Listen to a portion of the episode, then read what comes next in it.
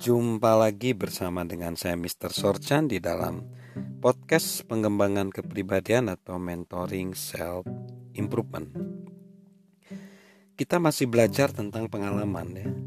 Sikap terhadap pengalaman yang direncanakan maupun yang tidak direncanakan akan menentukan pertumbuhan pribadi sikap terhadap pengalaman yang direncanakan maupun tidak direncanakan menentukan pertumbuhan pribadi. Steve Penny, kepala dari Esport Leadership Network di Australia, mengamati hidup ini penuh dengan belokan-belokan yang tidak terlihat. Keadaan yang tercipta sepertinya memotong rencana kita. Belajarlah untuk mengubah belokan Anda menjadi kesenangan. Perlakukan mereka sebagai perjalanan khusus dan perjalanan untuk belajar. Jangan melawan mereka, atau Anda tidak akan pernah mempelajari tujuan mereka. Nikmatilah saat itu, dan Anda akan segera kembali di jalan Anda. Mungkin lebih bijaksana dan lebih kuat karena belokan kecil Anda kita harus mengakui bahwa memiliki sikap positif terhadap belokan-belokan dalam hidup kita adalah pertandingan yang harus kita hadapi. Lebih suka memang kita ini adalah jalan yang singkat, jalan yang lurus daripada jalan-jalan yang penuh liku. Kapan pun kita menemukan diri kita berjalan melalui sebuah belokan, kita sering kali mencari cara yang tercepat dan kalau bisa kita meninggalkan tanpa berusaha atau tanpa menikmati prosesnya. Itulah sebenarnya ironi ya yang sering kita hadapi. Tapi justru itulah ironi yang luar biasa.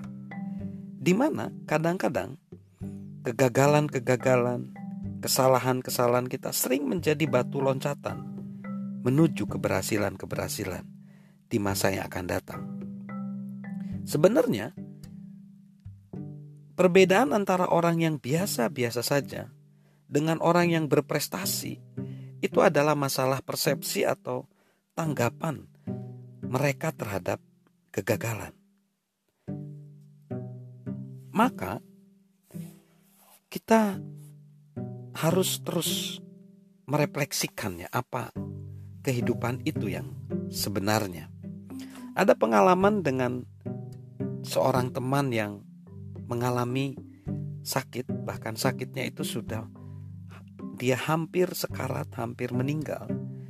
Dia membagikan kepada saya secara pribadi bagaimana dia akhirnya menghargai hidup setelah melewati rangkaian pengobatan, rangkaian pengobatan di rumah sakit harus mengalami rawat inap dan e, mengalami pengobatan sedemikian rupa dan dia akhirnya bisa menghargai hidup, menghargai hari demi hari dalam hidupnya.